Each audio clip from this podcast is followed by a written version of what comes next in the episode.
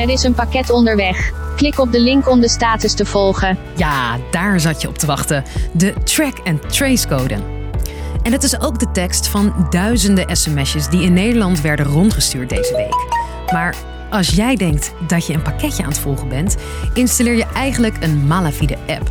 Over deze specifieke sms-oplichting komen steeds meer meldingen binnen. Wij zien echt zeker sinds mei een uh, toename van het aantal meldingen van deze vorm van fraude. Wat maakt deze sms'jes anders dan andere sms-fraude en hoe groot is de schade? Ik ben Sophie en ik leg het je uit. Lang verhaal kort. Een podcast van NOS op 3 en 3FM.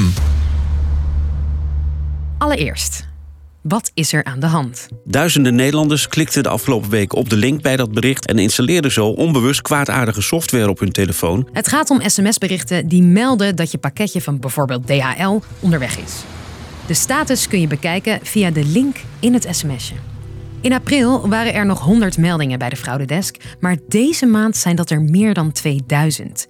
Een nieuwe vorm van telefoonfraude met de naam Flubot en Anatsa is afgelopen week in Nederland snel opgerukt en is gevaarlijk voor Android-gebruikers. Nou bestaat WhatsApp en telefoonfraude natuurlijk al langer, maar deze methode heeft een nog nooit eerder gezien element. Vertel ik je zo meer over.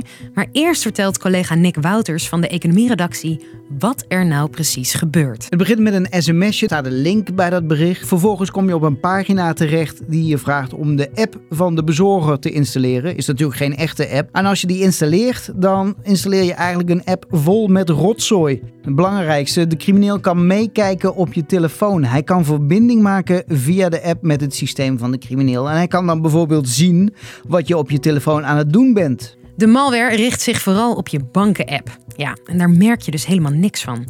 De Malafide-app kan andere apps ongemerkt starten en dingen afkijken en invullen. In theorie kan een crimineel dus even snel een bankoverschrijving aanpassen voordat je het verstuurt. En zo kun je voor vele euro's worden opgelicht. Dat de afzenders van de sms'jes zich voordoen als postbedrijven is waarschijnlijk geen toeval. Je weet, in deze coronatijd zijn we met z'n allen meer pakketten gaan bestellen. Veel mensen verwachten wellicht een pakketje en die denken, nou, hé, hey, Eindelijk, ik heb een bericht eh, dat hij eh, binnen is. Even kijken hoe het ervoor staat. Kan uh, iedereen overkomen als je even niet aan het opletten bent? Sommige van die criminele sms'jes zijn in slecht Nederlands. Maar lang niet allemaal, zegt Johannes Spoormans, cyberspecialist bij de politie. In sommige gevallen is het heel slecht Nederlands, maar vergis je niet. In sommige gevallen kloppen de teksten ook gewoon uh, heel erg goed en lijken de berichten echt wel te vertrouwen. En zeker als je natuurlijk al met spanning wacht op een uh, pakketje. En nou denk je misschien, ik trap daar niet in. Maar er zijn genoeg ervaringsverhalen van mensen die al wachtend op hun pakketje even niet goed opletten en toch op de link drukken. En behalve het meekijken op je telefoon gebeurt er nog iets, iets nieuws. De malware stuurt namelijk van die pakket-sms'jes vanaf jouw telefoon naar jouw contacten. Zonder dat die contacten kunnen zien dat het van jou komt.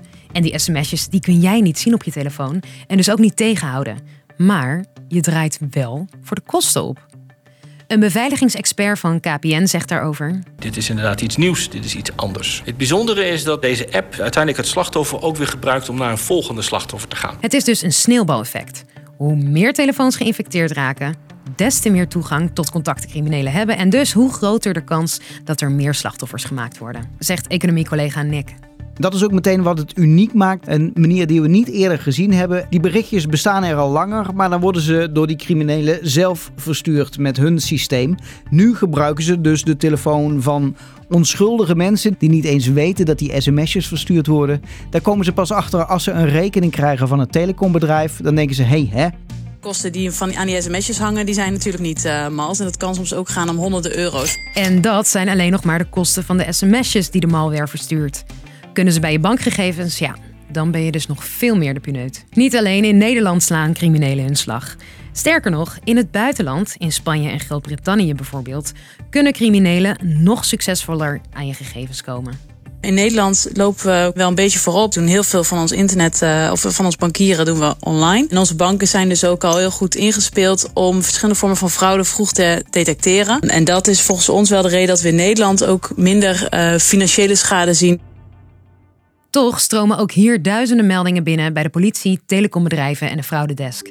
De politie probeert daar iets aan te doen, maar dat is lastig. Deze criminelen zitten overal ter wereld. En het is er ook niet eentje, want criminelen die verkopen dit soort tools onderling weer door. Maar zelf kun je ook iets doen, zegt economiecollega Nick. Nou zijn er wel nog wat stappen te nemen voordat die app ook daadwerkelijk geïnstalleerd wordt.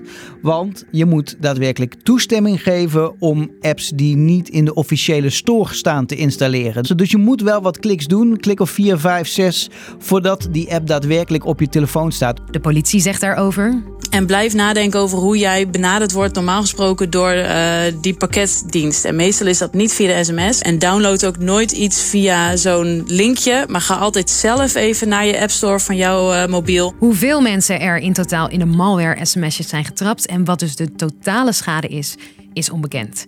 En het aantal meldingen neemt nog steeds toe. Dus, lang verhaal kort.